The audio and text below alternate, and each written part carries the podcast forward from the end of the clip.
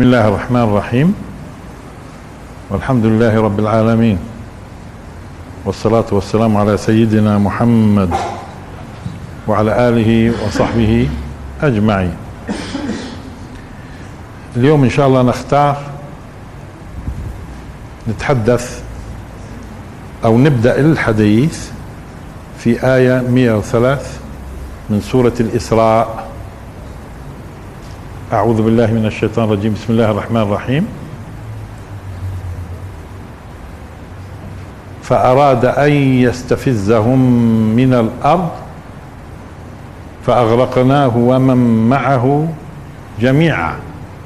وقلنا من بعده لبني إسرائيل اسكنوا الأرض فإذا جاء وعد الآخرة جئنا بكم لفيفا. وقلنا من بعده يعني من بعد فرعون يعني من بعد غرق فرعون. وقلنا من بعده لبني إسرائيل اسكنوا الأرض. إذا فأراد أن يستفزهم أي فرعون. إن شاء الله بنتوقف عند شوية إيش يستفزهم. الكلام إذا في موضوع ما حصل من صراع بين بين الحق والباطل. اللي بيمثل الباطل كان فرعون واللي بيمثل الحق كان موسى عليه السلام. اذا فأراد فرعون أن يستفزهم من الأرض فأغرقناه ومن معه جميعا وقلنا من بعده لبني إسرائيل اسكنوا الأرض فإذا جاء وعد الآخرة جئنا بكم لفيفا. هي هذه الآية طبعا مناسبة جدا أه وإحنا ندور حولها أه لتوضيح كيف إنه أحيانا في التفسير ممكن لما يكون المفسر مفسر ما عندوش بعض الآفاق اللي هي طبعا تكون غايبة لأسباب كثيرة فنجد إنه التفسير يروح في اتجاه بعيد عن حقيقة النص. هذه الآية من الأمثلة النموذجية على قضية إنه كيف المفسر أحيانا بدون خلفيات مناسبة ممكن ما يفهمش النص.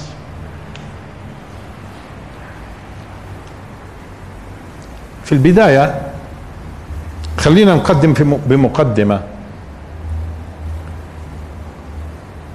في اعتقاد عند الناس بشكل عام مش بس المسلمين وغيرهم إنه موسى عليه السلام لما أخرج بني إسرائيل من مصر إنه أخرجهم كلهم.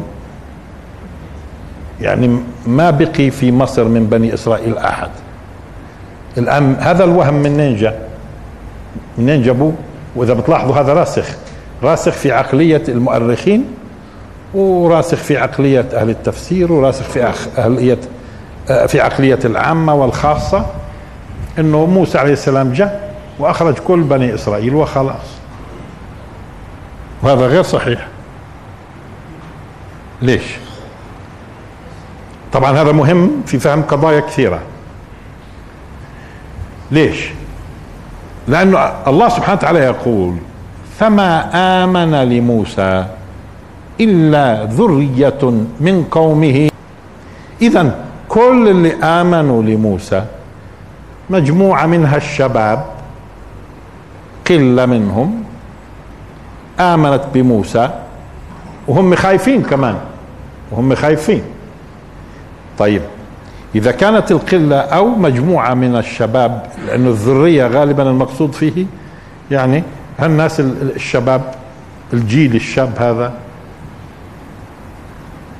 طيب والناس اللي ما آمنوش شو اللي بده يخليهم؟ يعني من بني إسرائيل إيش اللي بده يخليهم يصدقوا موسى طالما مش مؤمنين ويغامروا ويخرجوا؟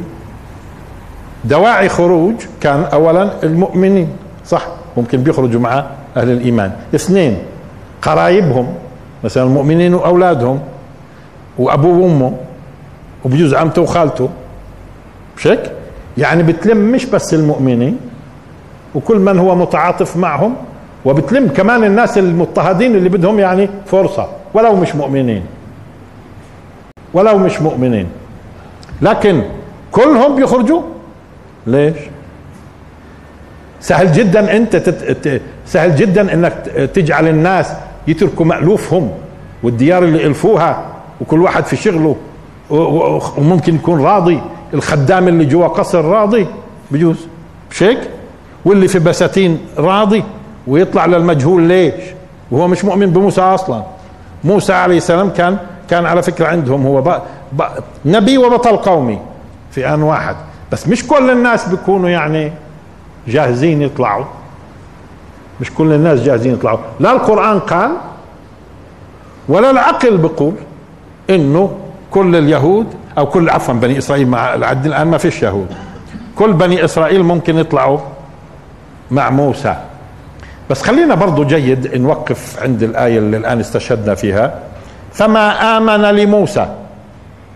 لاحظوا كلمة فما. إلا. فما آمن لموسى إلا. ذرية من قومه. من قوم مين على فكرة أنتم شايفين. من قوم مين هاي اختلف الفقهاء. آه، الشيخ مشي مع بعض المفسرين وأنتم مشيتوا مع النص. النص أقرب مذكور موسى ومش مذكور فرعون إلا القصة قبل بس وهون بداية آية. فما آمن لموسى إلا ذرية من قومه اذا الأصل في الضمير يرجع لأقرب مذكور وأقرب مذكور هنا موسى. بس شو ممكن يخليهم يروحوا لموضوع إنه من قومه يعني من قوم فرعون من قوم فرعون. اللي خلاهم يروحوا لهذا الكلام اللي هو كلمة لاحظوا فما آمن لموسى إلا ذرية من قومه على خوف من فرعون وملئهم. فتصوروا إنه ملئهم يعني مين؟ ملأ فرعون. اذا هم فراعنه هذا اللي دفع دعاهم يقولوا هذا. ملئهم. آه لكن هذه القط... هذه الكلمة بتكشف عن حقيقة. بيعرفوها كل الناس في كل العصور.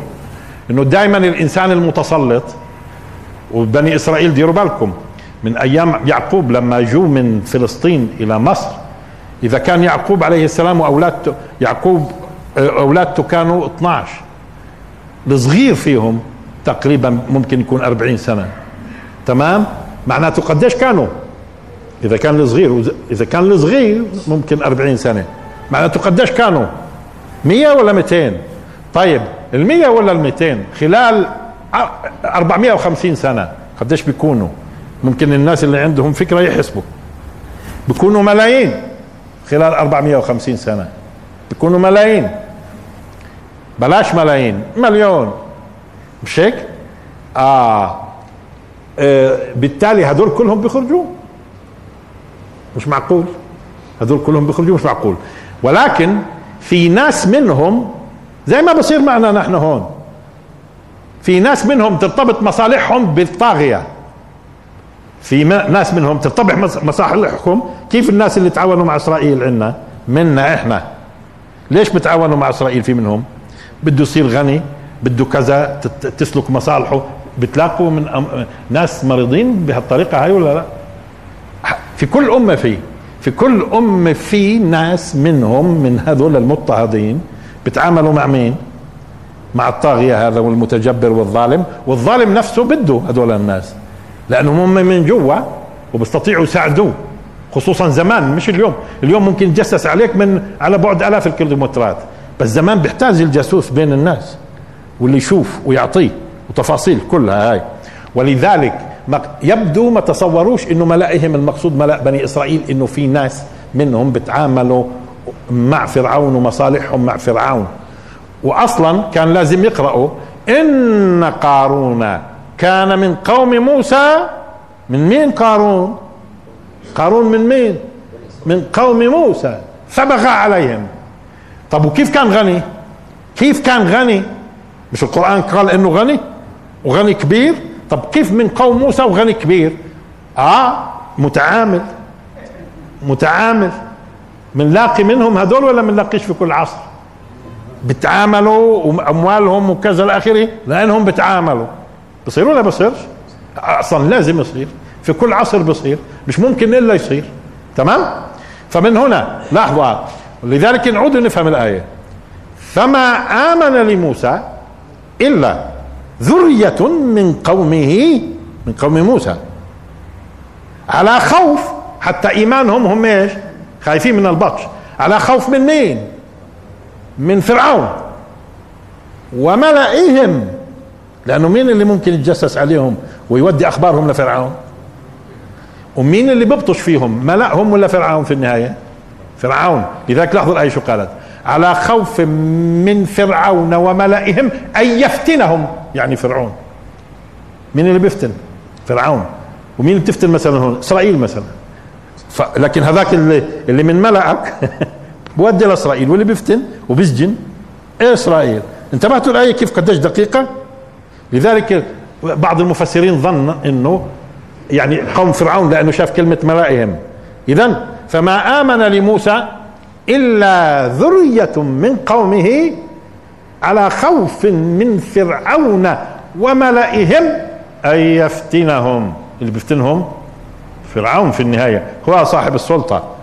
هو صاحب السلطة. آه وبالتالي اذا في ناس مستفيدين. هذول يخرجوا مع موسى ليش؟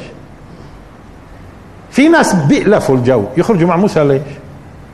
ما هم المؤمنين معدودين. خليهم الربع. طيب. وكمان الربع بيطلع معاه الربع. وكمان الربعين بيطلع معهم ربع. يعني كلهم بيطلعوا؟ ما بيطلعوش. هذه أول خطأ بيوقعوا فيه كثيرين من أهل التاريخ بالدرجة الأولى وهم يفسروا يحاولوا يشوفوا. ثم بدي إياكم تنتبهوا للآيات التالية. فأخرجناهم. مين يعني؟ يعني فرعون وملأه وجيشه. فأخرجناهم. من إيش أخرجهم؟ آه. فأخرجناهم من جنات لاحظوا من جنات وعيون وكنوز ومقام كريم. كذلك لا دعك من نعمة هذيك كم تركوا؟ بعدين نجيها شوية. كم تركوا هذيك؟ أنا الآن أنا الآن في سورة ثانية. فأخرجناهم. لحظة. فأخرجناهم من جنات وعيون يعني أخرج فرعون.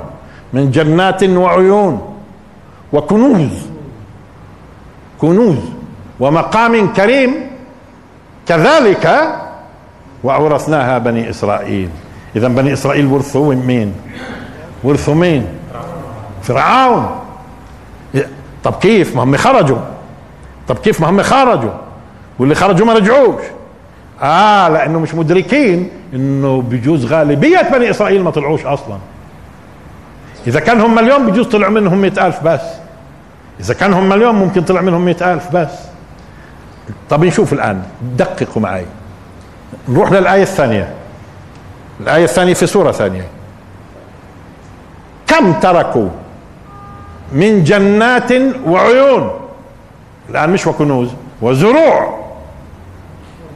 وزروع ومقام كريم ونعمة كانوا فيها فاكهين كذلك وأورثناها قوما آخرين. مرة أورثها مين؟ بني إسرائيل. ومرة أورثها مين؟ قوم آخرين. انتبهوا الآن حتى تتبلور الصورة. ليش هالفروق هاي؟ ولاحظوا مرة قال كنوز ومرة قال زروع. كنوز زروع. الآن الفراعنة كانوا في الدائرة القريبة منهم. الفراعنة الدائرة القريبة منهم. القصور القصور وبساتينهم القريبة. تمام؟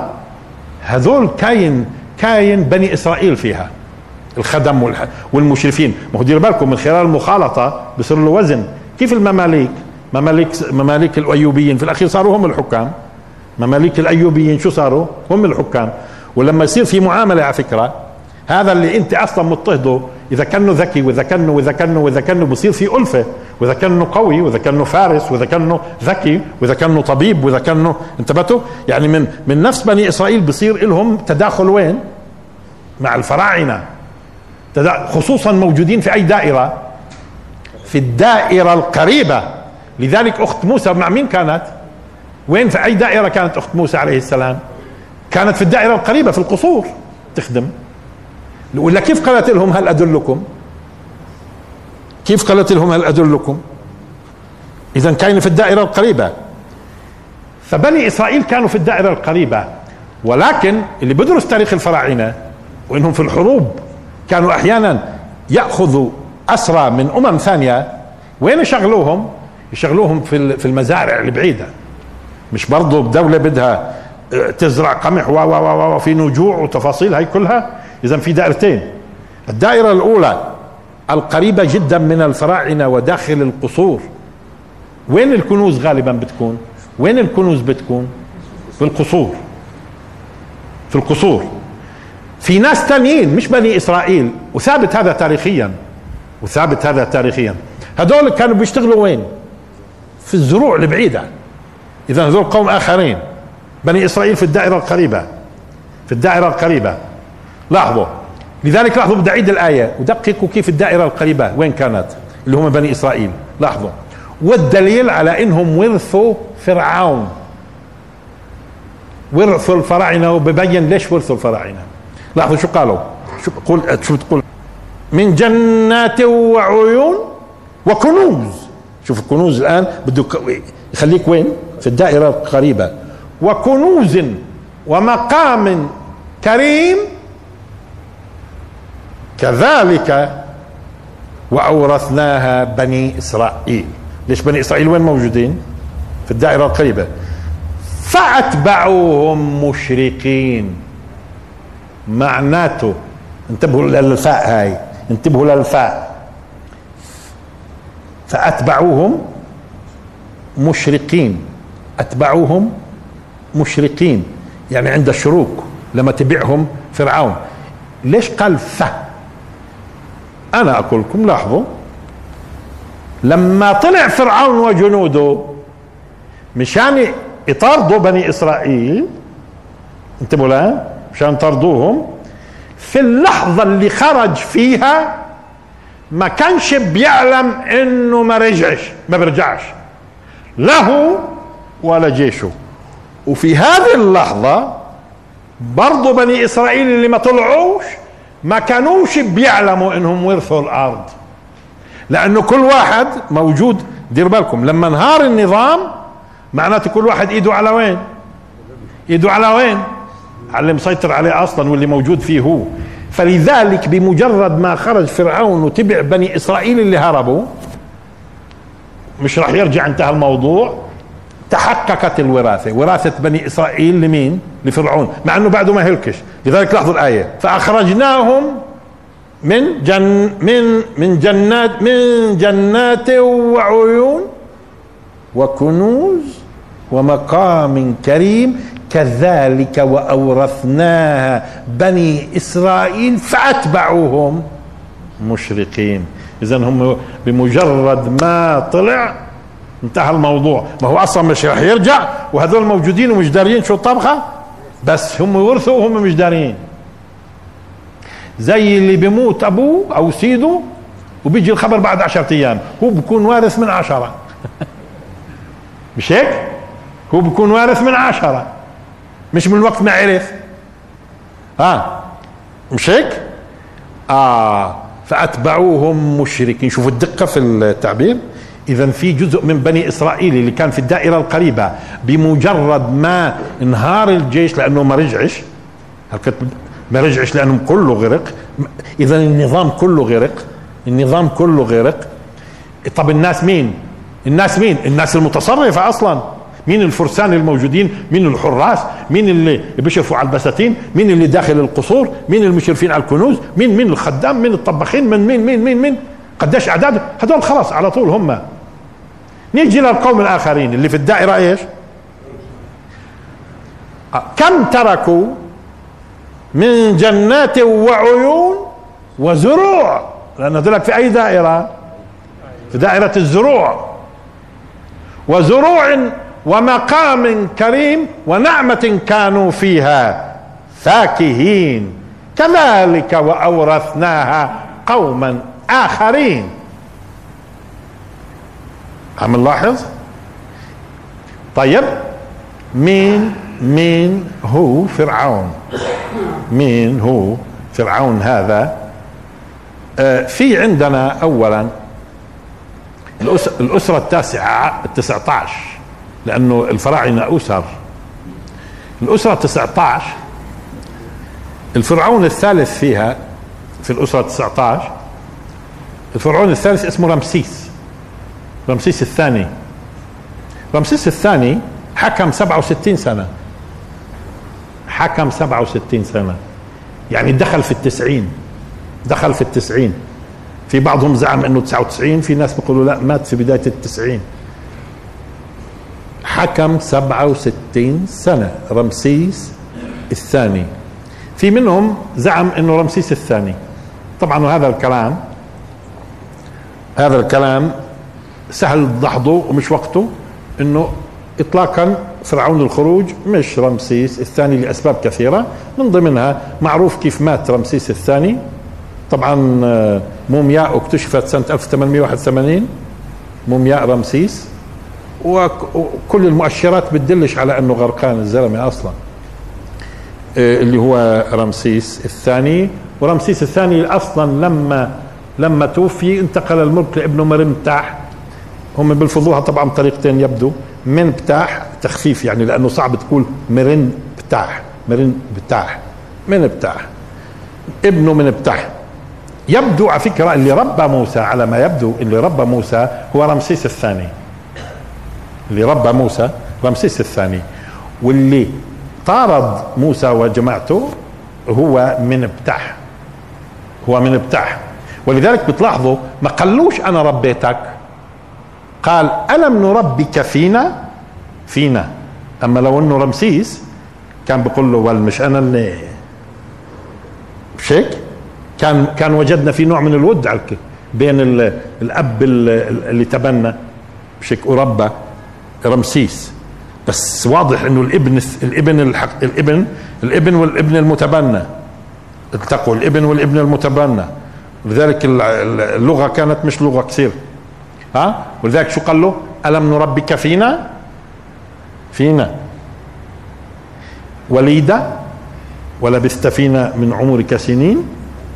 آه، ما فيش أي إشارة أنه هو اللي رباه واضح أنه اللي رباه رمسيس. وقلنا رمسيس تصوروا حكمه 67 سنة. الحكم لحاله. الحكم لحاله 67 سنة. طبعا في ناس بتصوروا إنه يعني إنه رمسيس شوف هذا بدل على إنه فيش منهجية في التفكير. إنه بتصوروا إنه رمسيس يعني ملوش أولاده عشان هيك يعني لما قالت له زوجته زوجته شو قالت له؟ قرة عين لي ولك. بس مش منتبهين هم. إنه شو قالت؟ قرة عين لي لي قدمت هي إيش؟ آه بس لاحظوا في سورة يوسف شو قال العزيز لما راح اشترى يوسف؟ شو قال لها آه آه أكرمي مثواها عسى أن ينفعنا أو نتخذه ولدا. العزيز حكى هو ينفع بس هناك لما شافت الولد الصغير شو قالت له؟ لزوجها قرة عين لي ولك. آه ورمسيس أصلا كان متزوج كثيرات. وابنه من بتاح أصلا من الزوجة الثانية. ابنه من بتاح من الزوجة الثانية. وهم بتصوروا بتصوروا بعض الناس زي تصورات عصرنا إنه باقي الملوك زمان أيام الفراعنة وغيرهم. يعني عنده مرة واحدة عنده مرة واحدة. لا هي بس واحدة وتنتين وثلاثة وعشرة ما هو الإسلام اللي أجى حد منهن وجعلهن بس أربعة. ولا هو كان شك مفتوح. طيب آه في واحدة منهن ممكن تكون شابة وجميلة وتولدش. بتقول له قرة عين لي وإلك كمان. طبعا وإذا بحبها خلاص ماشي.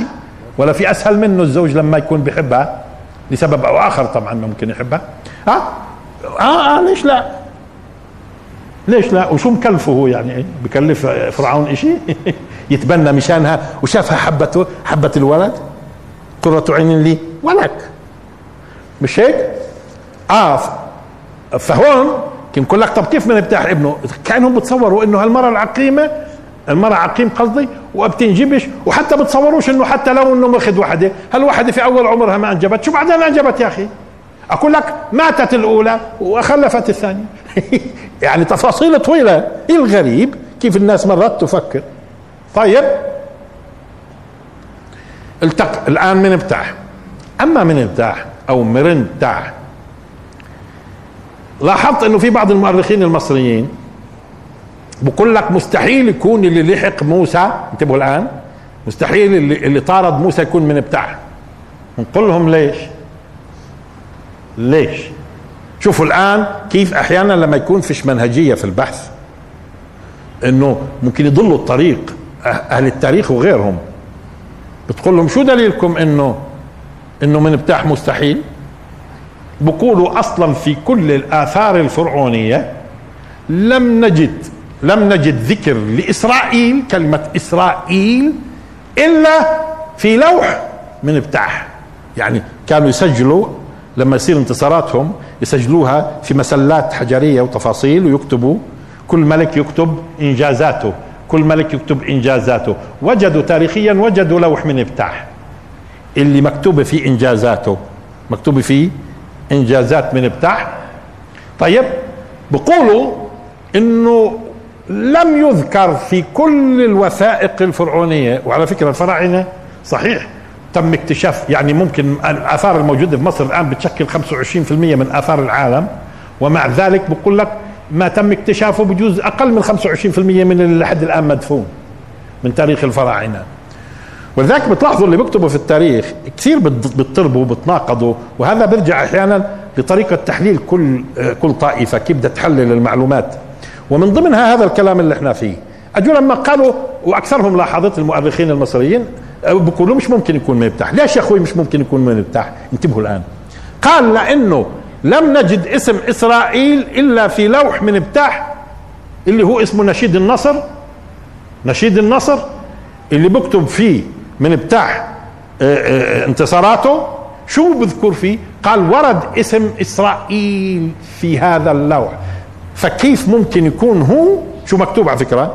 طبعا ممكن ترجموها الناس أكثر من ترجمة. بعضهم ترجمها هيك. آه يعني تم أو اليوم أو تم آه اليوم أبيدت إسرائيل أبيدت إسرائيل ولن يكون لها بذرة. يعني إنه من ابتاح أباد إسرائيل ولن تكون لها بذرة.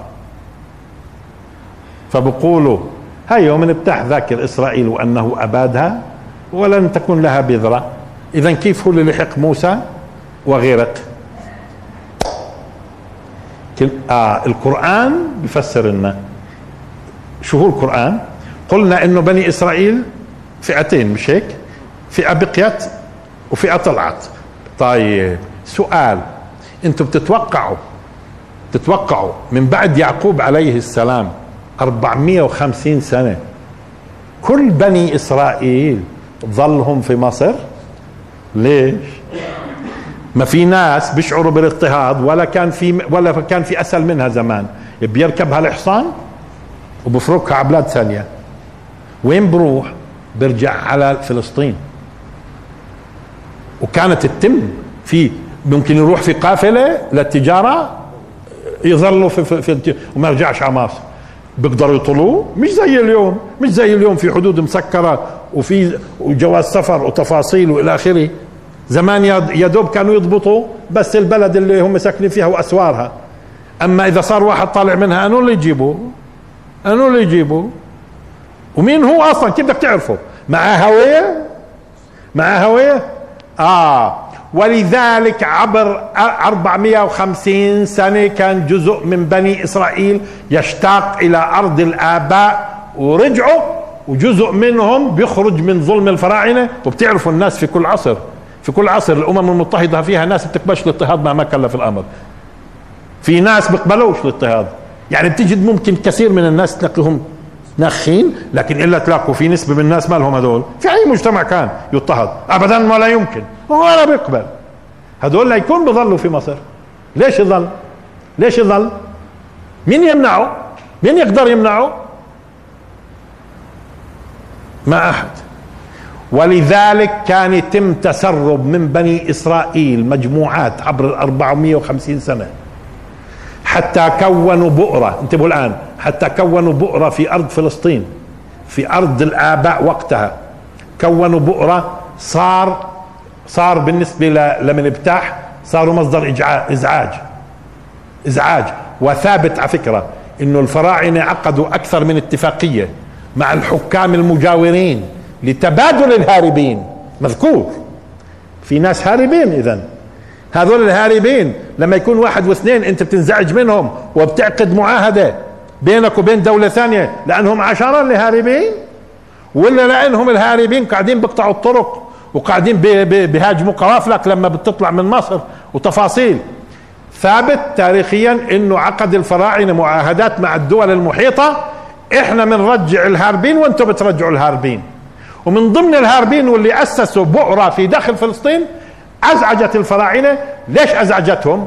لأنه طالما هذه البؤرة موجودة في فلسطين معناته بني إسرائيل المستخدمين في القصور و و و بصير هذا الموجود في فلسطين نقطة جذب لهم هذه أرض الآباء تفضلوا عندنا. تعالوا فبصير نقطة إيش؟ جذب. فمشان يقطع هذه فقام من إبتاح قام من ابتاح بحركته وهاجم المنطقة هاجم المنطقة وغزا من من من يسموا بإسرائيل غزا من يسموا بإسرائيل ورجع وكتب رجع وكتب على اليوم أبيدت إسرائيل ولن تكون لها بذرة. وهذا رسالة موجهة لمين كمان؟ للي عنده. يعني بتعتمدوا على إسرائيل هذيك اللي بت... نقطة الجذب الموجودة في فلسطين؟ اليوم أبيدت إسرائيل ولن تكون لها بذرة. انتبهتوا كيف؟ إذا في وهمين كانوا واقعين في الناس. المه... الوهم الأول إنه يعني كل بني إسرائيل خرجوا مع موسى وما فيش أي دليل. وأصلا العقل ضد هذا الكلام. الوهم الثاني إنه كل بني إسرائيل بقيوا في مصر ال 450 سنة. وهذا غير صحيح. ولا ممكن يكون. ولا ممكن يكون. وإنه قصة من بتاع لما قال أبيدت إسرائيل هذه البؤرة اللي كانت موجودة في بلاد الشام جاء ليبيدها حتى لا تكون إيش؟ نقطة جذب للناس اللي عنده. للناس اللي عنده.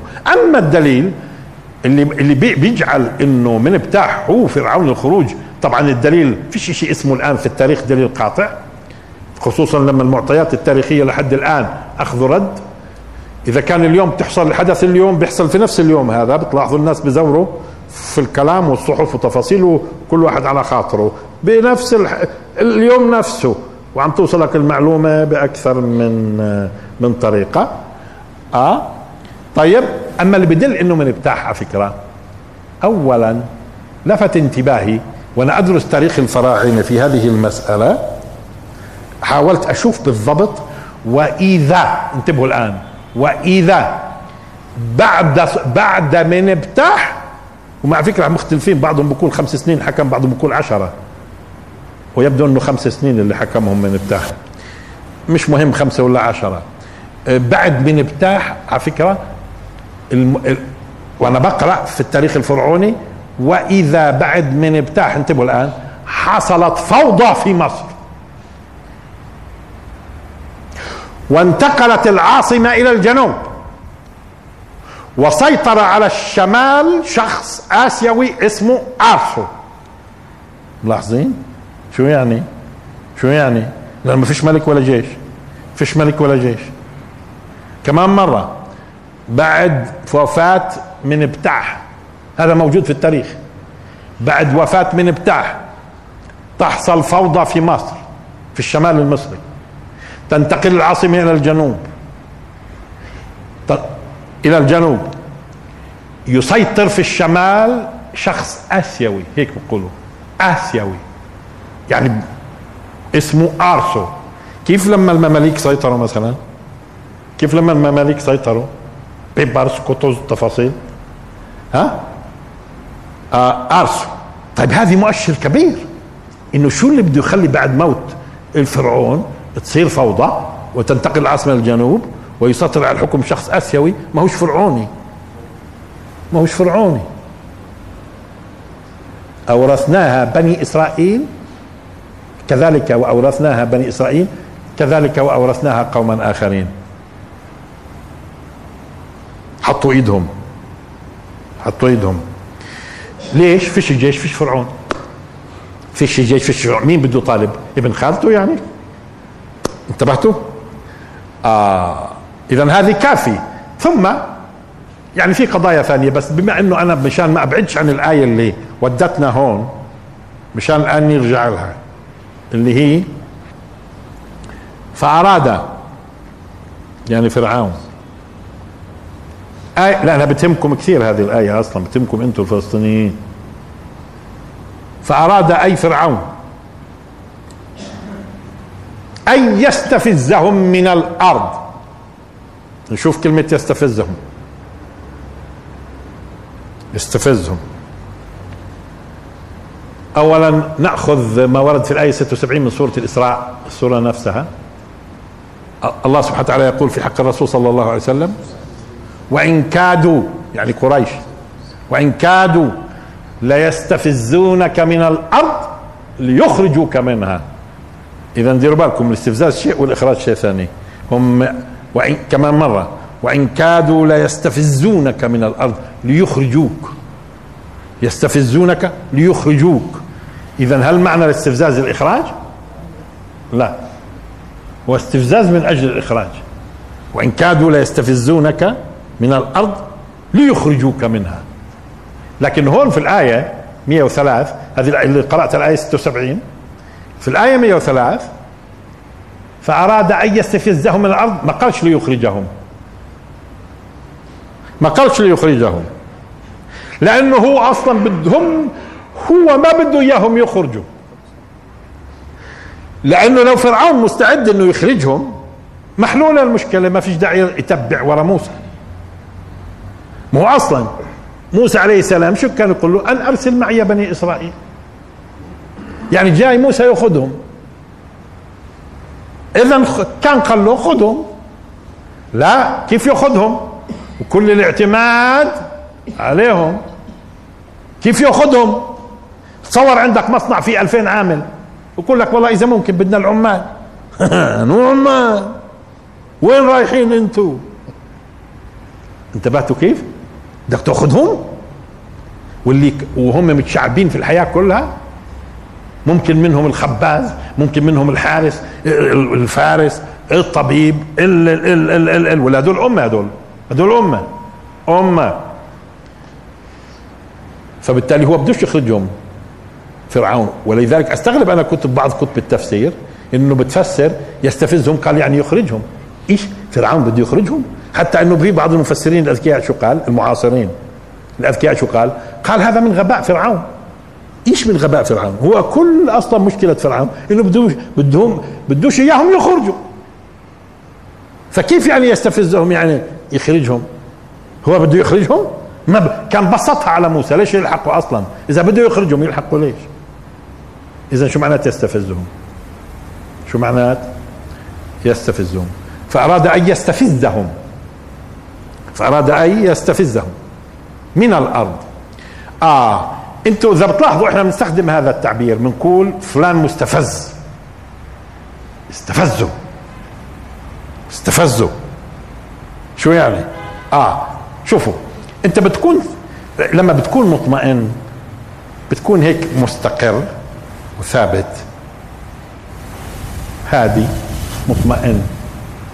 إذا من علامات الاطمئنان والهدوء الثبات مش هيك والاستقرار ولذلك دائما بيعبروا الناس بيقولوا بدنا مجتمع مستقر مطمئن مستقر مطمئن. تمام؟ بس المستفز شو بكون؟ اولا ضد الاستقرار ضد الاطمئنان ضد الاستقرار عكسها بالضبط عكس الاستقرار وعكس الاطمئنان في الاستفزاز. والاستفزاز فيه خفة. كيف لما واحد لاحظه يستفز بتلاقيه إيش؟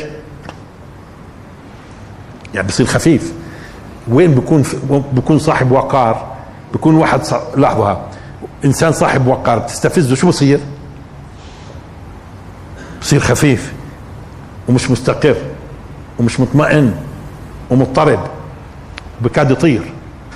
هذا المستفز. ففرعون مشان يضغط عليهم لحظة مشان يضغط عليهم بدأ يهددهم في استقرارهم هم على فكرة.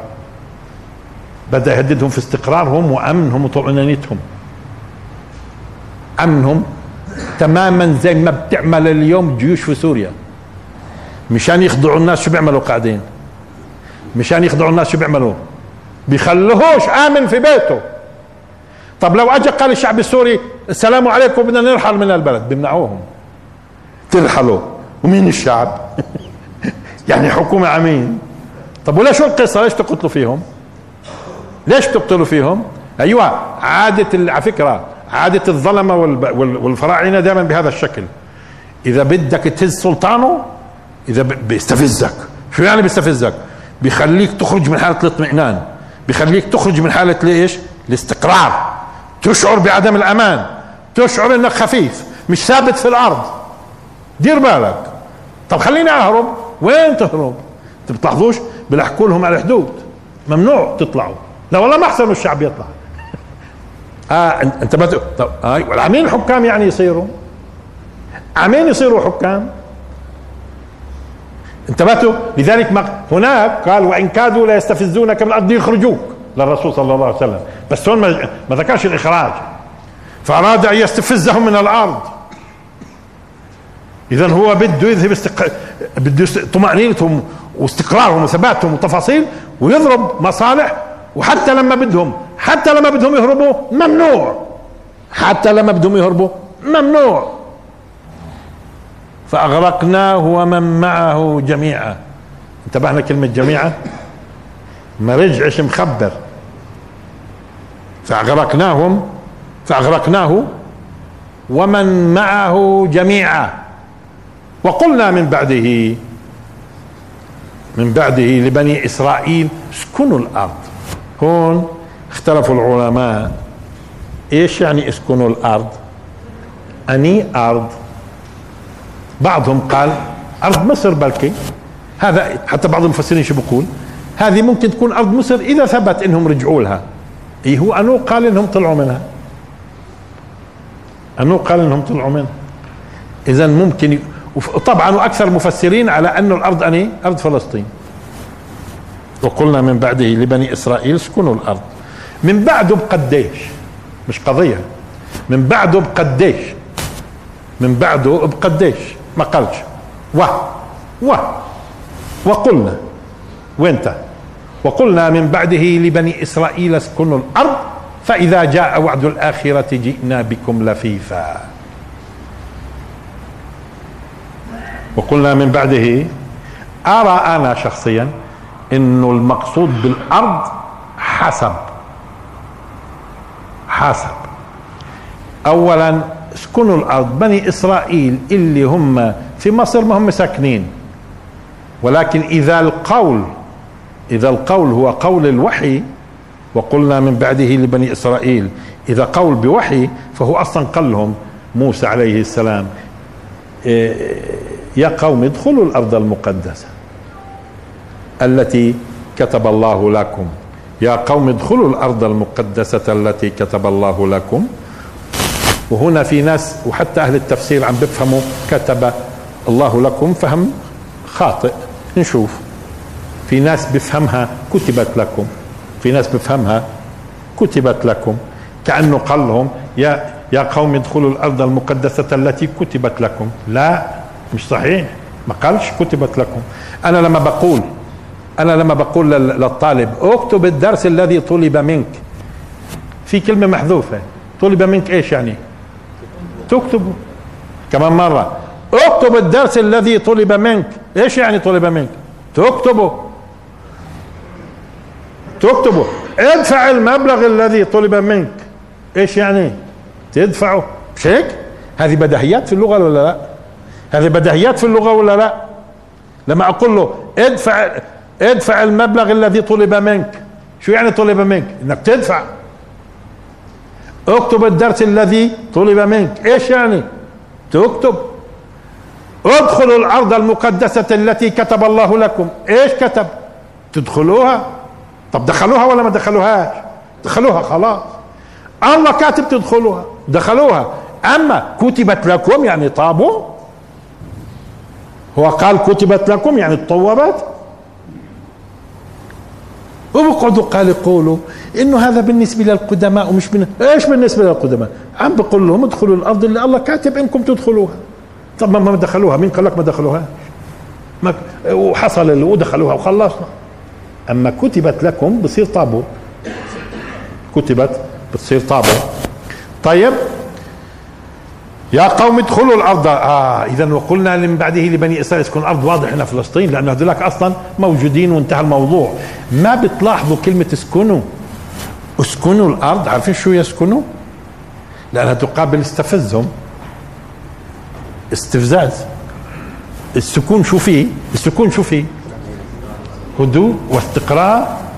وكأنه بده يقول إنه قال لبني إسرائيل بعد ما استفزوا وصاروا في قلق و و و و و و, و. الآن آن لكم تسكنوا ولا يهمكم وبتسكنوا الأرض اللي موسى عليه السلام جاء مشان يدخلكم إياها. تسكنوها. سكون والسكون فيه استقرار وسكن وطمأنينة. إذا اللي بيخاطبهم قاعدين اللي استفزوا. مش اللي ظلهم في البساتين. مش اللي ظلهم في البساتين. والقصور وحطوا إيديهم عليها. ما هم أصلا هذولك لم يستفزوا منها. لم يستفزوا منها وما قبلتها أسكنوا. ما قبلتها أسكنوا. وقلنا من بعده لبني إسرائيل اسكنوا. انتبهنا شو قابلت اسكنوا شو قابلت لأنه هناك أراد أن يستفزهم من الأرض. فأغرقناه ومن معه جميعا. وقلنا من بعده لبني إسرائيل اسكنوا الأرض. اسكنوا. عكس إيش؟ الاستفزاز. اللي هو ضد الاستقرار والثبات والطمأنينة. الاستفزاز ضد الاستقرار والثبات والطمأنينة والسكون استقرار وثبات وطمأنينة. حصل. إذا نفهم وين؟ إذا نفهم مين الأرض اللي هي أرض فلسطين. إذا نفهم وين الأرض اللي هي أرض فلسطين. وقلنا من بعده بقديش؟ قديش كان ماضي؟ قديش كان ماضي؟ وقلنا من بعده لبني إسرائيل. اسكنوا الأرض؟ فإذا جاء وعد الآخرة جئنا بكم لفيفا. أول شيء خلينا شوية في لفيف. لفيف. القط الله سبحانه وتعالى بيقول وجنات الفافا جنات الفافا إيش الجنات الألفاف؟ لاحظوا. هي الجنات المتشابكة أغصانها واشملها تلتف بعضها على بعض. الناس بيحبوا هيك تكون في تشابك في الشجر والتفاف وتفاصيل بس ما بتلاحظوا إنه اجتماع الأغصان اجتماع الأغصان والتفافها بعضها على بعض. لما بتتبع بدك تشوف منين جاي تلاحظ إنه كل واحد جاي من أصل مختلف. هم مجتمعين وملتفين على بعض. الأغصان الآن الأغصان لاحظوا مجتمعة وملتفة على بعض. لكن الآن لاحظوا الآن بدي أترك النظر إلى الأغصان والتفافها وأشوف الجذور. راح ظاهر هذا أصل شجرة هاي. هذه شجرة ثانية هذه شجرة ثالثة. هذه شجرة رابعة. هذه شجرة خامسة. إذا هذه الفروع الملتفة بعضها بعض أصولها إيش؟ مختلفة. هذول هم اللفيف. اللفيف هي الجماعات المجتمعة الملتفة على بعضها البعض اللي أصولها شتى. اللي اصولها شتى. المختلطين من أصول شتى. المختلطين من أصول شتى. زي الجنات الألفاف اللي مجتمعة وجذورها مختلفة. طب بعدين بنشوف ليش هذا الكلام؟ إنه جذورها مختلفة وأصولها شتى. اذا الجماعات اللي أصولها شتى ها؟ واجتمعت وعلى فكرة اجتماعها يكون لحظة يكون اجتماع مع التواء لأنه اللف كيف بكون؟ اللف كيف بكون؟ اذا هي تجتمع اجتماع ملتوي. ملتوي. واختلاط لأصول مختلفة. فإذا جاء وعد الآخرة جئنا بكم لفيفا بعد ما عرفنا اللفيف اللي هم الجماعات. آه بلى إحنا قلنا سابقا إنه اللفلفه معروفة شيء خصوصا اللحامين لما بلفلفوا بياخذوا من هذه البقرة من هذا الغ... من هون من أصول شتى ويحط لك لوكيه طيب المهم لفلفة. ولما يلتفوا ناس على بعض يا أخوي. المهم آه فهو اجتماع في التواء. اجتماع في التواء. وجماعات تنتمي إلى أصول شتى. جماعات تنتمي إلى أصول شتى. فأراد أن يستفزهم من الأرض فأغرقناه ومن معه جميعا. وقلنا من بعده لبني إسرائيل اسكنوا الأرض وشفنا قضية اسكنوا. فإذا جاء وعد الآخرة جئنا بكم لفيفا. اولا وعد الآخرة العجيب وهذا بدلك انه المفسر المفسر ابن عصره واحيانا في قضايا لا يمكن تصورها وبالتالي يضطر المفسر إنه يبحث عن وجه للتفسير. فهنا تعبير وعد الآخرة لم يرد في القرآن إلا مرتين. وعد الآخرة لم يرد في القرآن إلا مرتين. وورد في الصيغة التالية في بداية سورة الإسراء فإذا جاء وعد الآخرة ليسوءوا وجوهكم.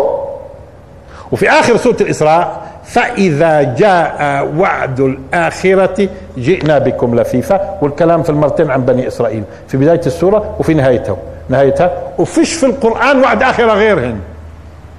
فيش في القرآن وعد آخرة غيرهن. وبالتالي كيف يعني ممكن نفسر وعد الآخرة في نهاية السورة غير عما فسرناه في بداية السورة؟ ليش؟ ليش؟ أنا أقول لكم ليش. ممكن يفسروه الثاني على أنه اليوم الآخر. وبتلاحظوا إنه التفسير بركبش مزبوط لما يفسروا اليوم الآخر. ليش اليوم الآخر؟ ليش هو ورد في القرآن اليوم الآخر بهذا التعبير؟ وعد الآخرة؟ لم يرد فإذا جاء وعد أولاهما فإذا جاء وعد الآخرة.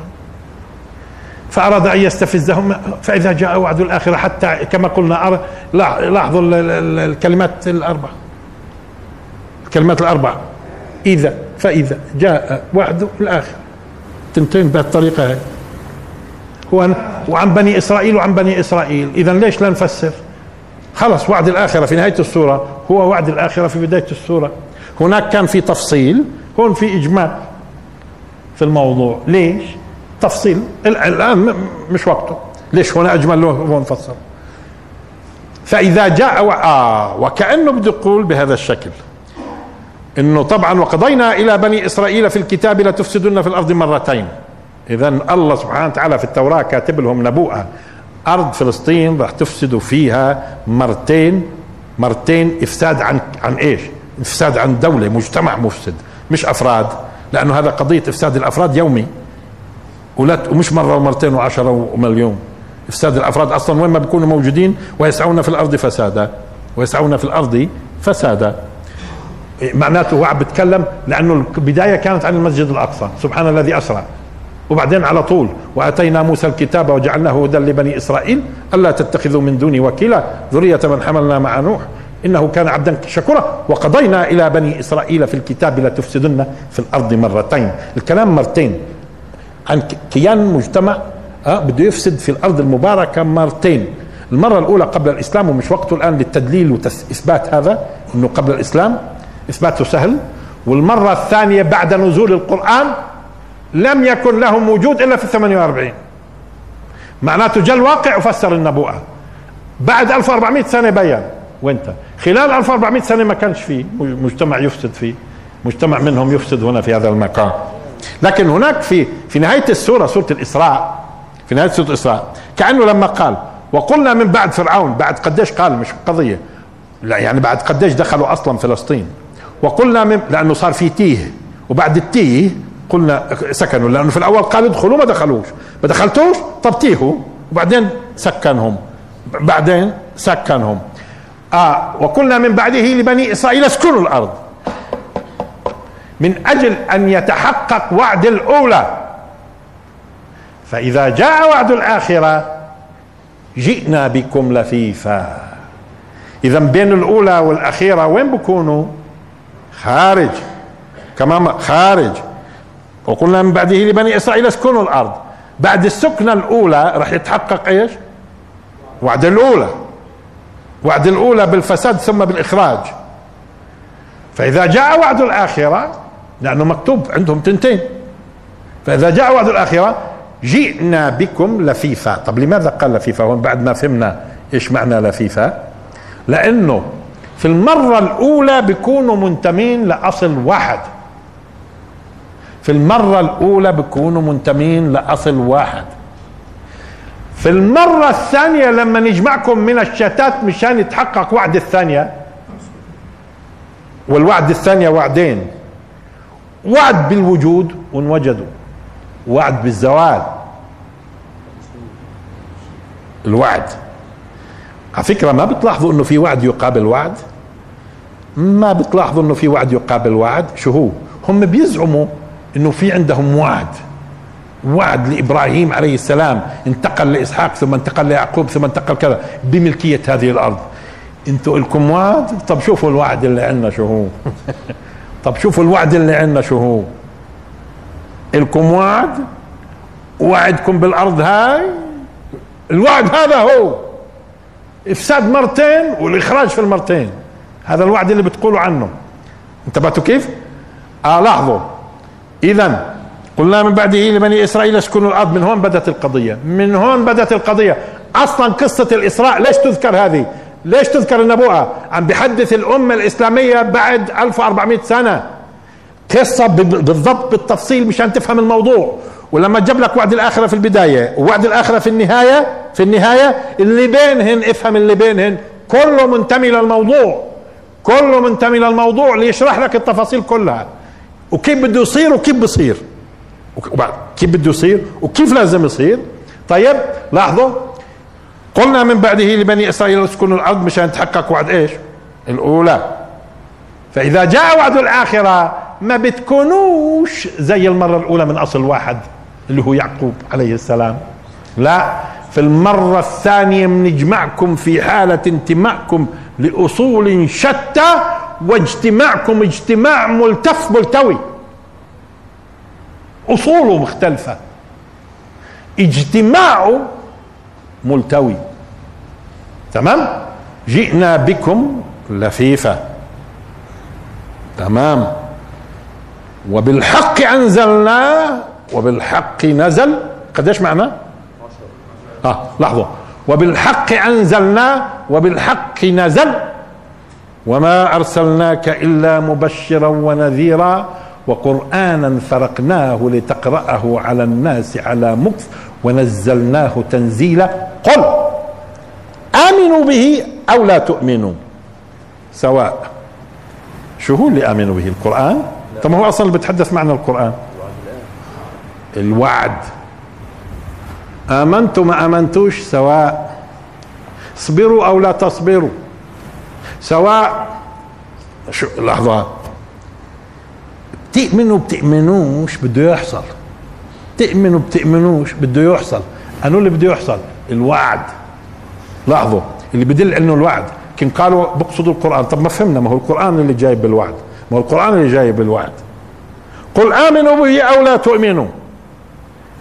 إن الذين أوتوا العلم من قبله قال راحوا فسروها أهل الكتاب. ليش؟ وين قال القرآن عن أهل الكتاب إنهم أوتوا العلم؟ لا هو قال عنهم آتاهم الكتاب. أصلا لو عندهم علم حقيقي بيسلموا. أصلا لو عندهم علم حقيقي بيسلموا. هو ما آتاهم العلم. هم عنده آتاهم الكتاب.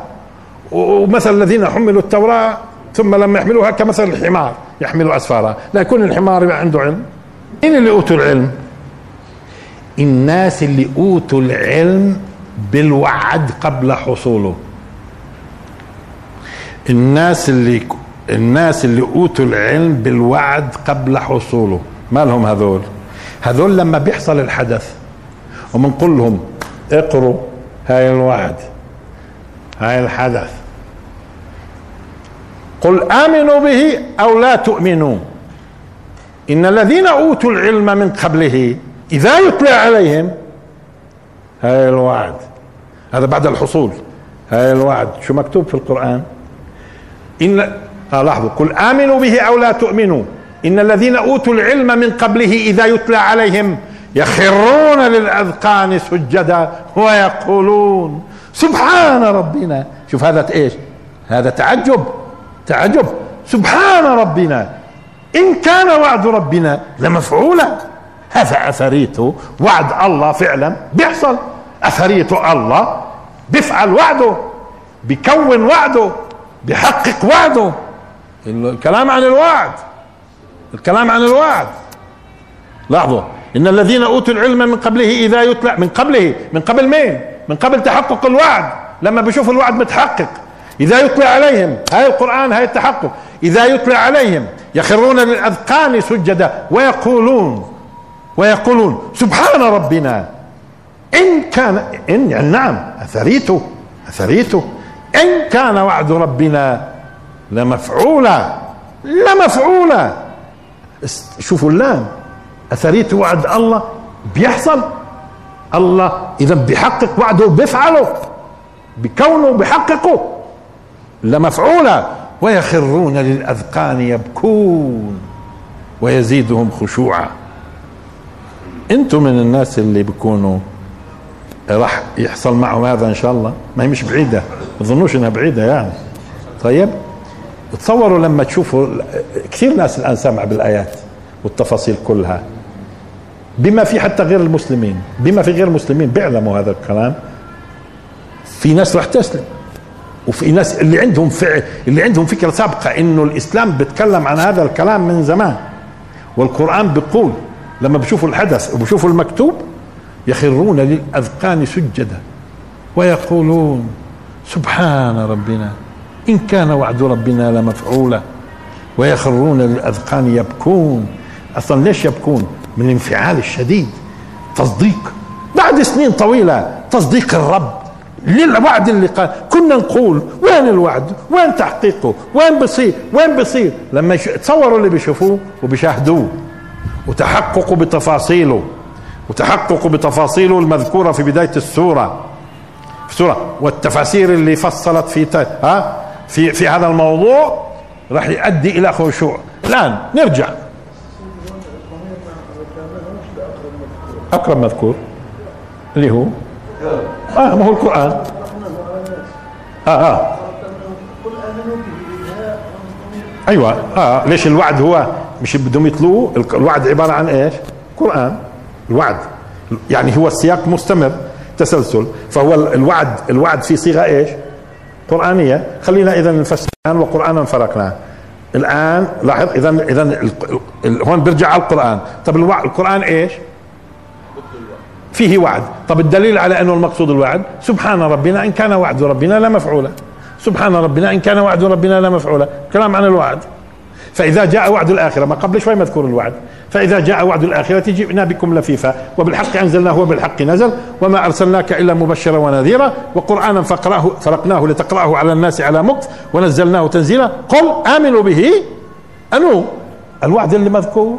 أو لا اللي هو قرآن. اللي هو قرآن. طب نفسر الآن.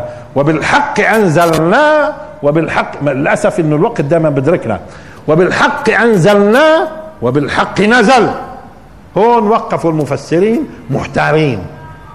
إنه هل هذا تأكيد؟ بالحق انزلناه طب ما هو بالحق نزل؟ إذا أنت بالحق إذا بالحق نزل انزلناه إذا بالحق نزل.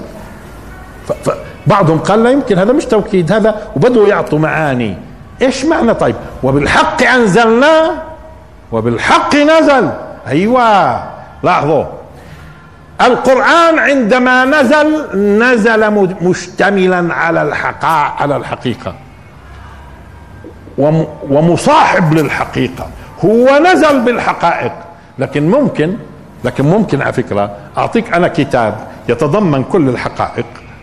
يتضمن كل الحقائق ولا يؤثر في الواقع ولا يحق الحق في الواقع. أنا ما بدي بس تيجي تقول لي هاي حقائق. أنا بدي تعلمني كيف أحق الحقائق في الأرض. لأنه الموضوع أصلا اللي بيحكي فيه اللي بيحكي فيه مش بيحكي بس حقيقة. وبتكلم دينه كيف في النهاية به كيف بتم انتصار الحق على الباطل ويحق على أرض الواقع. اذا في فرق بين الحق هو نزل مشتمل على الحق وبالحق أنزلناه وبالحق نزل. يعني إيش يعني؟ وكيف يتم إحقاق الحق وتثبيته؟ وإيقاعه في أرض الواقع. إذا هو مش بس نزل بالحقيقة. والإسلام أيضا نزل يعلمك كيف تحقق الحق. ولا بس يعطيك كتاب فيه حقائق وخلصنا. طب كيف بدنا نطبق الحقائق في أرض الواقع؟ كيف بدنا ننزلها على أرض الواقع؟ بتدرسوا سورة الإسراء والقرآن مش ب... بتجدوا حقائق. بس حقائق؟ لا. وبتجد كيف بعلمك كيف تنزل هذه الحقائق. على الأرض. لما يقول هذا الكلام في موضوع الوعد شو المعنى؟ المعنى أنه أنا نزلت حقائق. وأنا وأنا منزل على المسلمين كيف بعدين في النهاية يحق الحق في الأرض بما فيه الوعد هذا. الوعد هذا لأنه وراه مين الوعد هذا؟ هذا وراء أوروبا كلها. العالم كله هذا كله بده يخر. لحظة. وبالحق أنزلناه إذا هو نزل مشتمل على الحق. وبالحق نزل. يعني إيش؟ بده يطبق الحق كمان على أرض الواقع. وما أرسلناك إلا مبشرا ونذيرا. هذا خلاصته. لأنه هو ببشر ناس اللي هو يعني مين؟ مثلكم. وبنذر ناس. صدقوا ولا ما صدقوا؟ وما أرسلناك إلا مبشرا ونذيرا. وبدكم تتأكدوا إنه هذا الوعد هو نفسه المتكلم عنه. في أول هون مسكر إنه هو نفسه. المتكلم عنه في أول السورة؟ لاحظوا أول السورة. بعد ما انتهى من وعد الآخرة شو قال؟ في, في أول السورة. بعد ما انتهى شو قال؟ لاحظوا. إن هذا القرآن يهدي للتي هي أقوم. لاحظوا. ويبشر المؤمنين الذين يعملون الص... يعملون الصالحات أن لهم أجرا كبيرا. طب وين ينذر؟ وأن الذين لا يؤمنون بالآخرة أعتدنا لهم عذابا أليما. الكلام نفسه اللي كان على تعقيب وعد الآخرة في بداية السورة على تعقيب وعد الآخرة في نهاية السورة. وما أرسلناك إلا مبشرا ونذيرا وقرآنا فرقناه لتقرأه على الناس على مكث. آه كان هاي ممكن أنا قفزت على الوعد. آه قبل ما أفسر هاي. والاصل ليش؟ بدي توصلوا للنتيجة لأنه الوقت ضيق. لكن برضه إيش يعني؟ كان لازم نتوقف لماذا يقول وقرآنا فرقنا؟ إيش فرقناه لتقرأه على الناس على مكث إيش مكث ونزلناه تنزيلا. وإيش دور المكث هذا في كل التفاصيل؟ لعله في وقت آخر إن شاء الله. على كل إحنا نستقبل رمضان إن شاء الله. بعد رمضان يكون دروس. وآخر دعوانا الحمد لله رب العالمين. وبارك الله فيكم.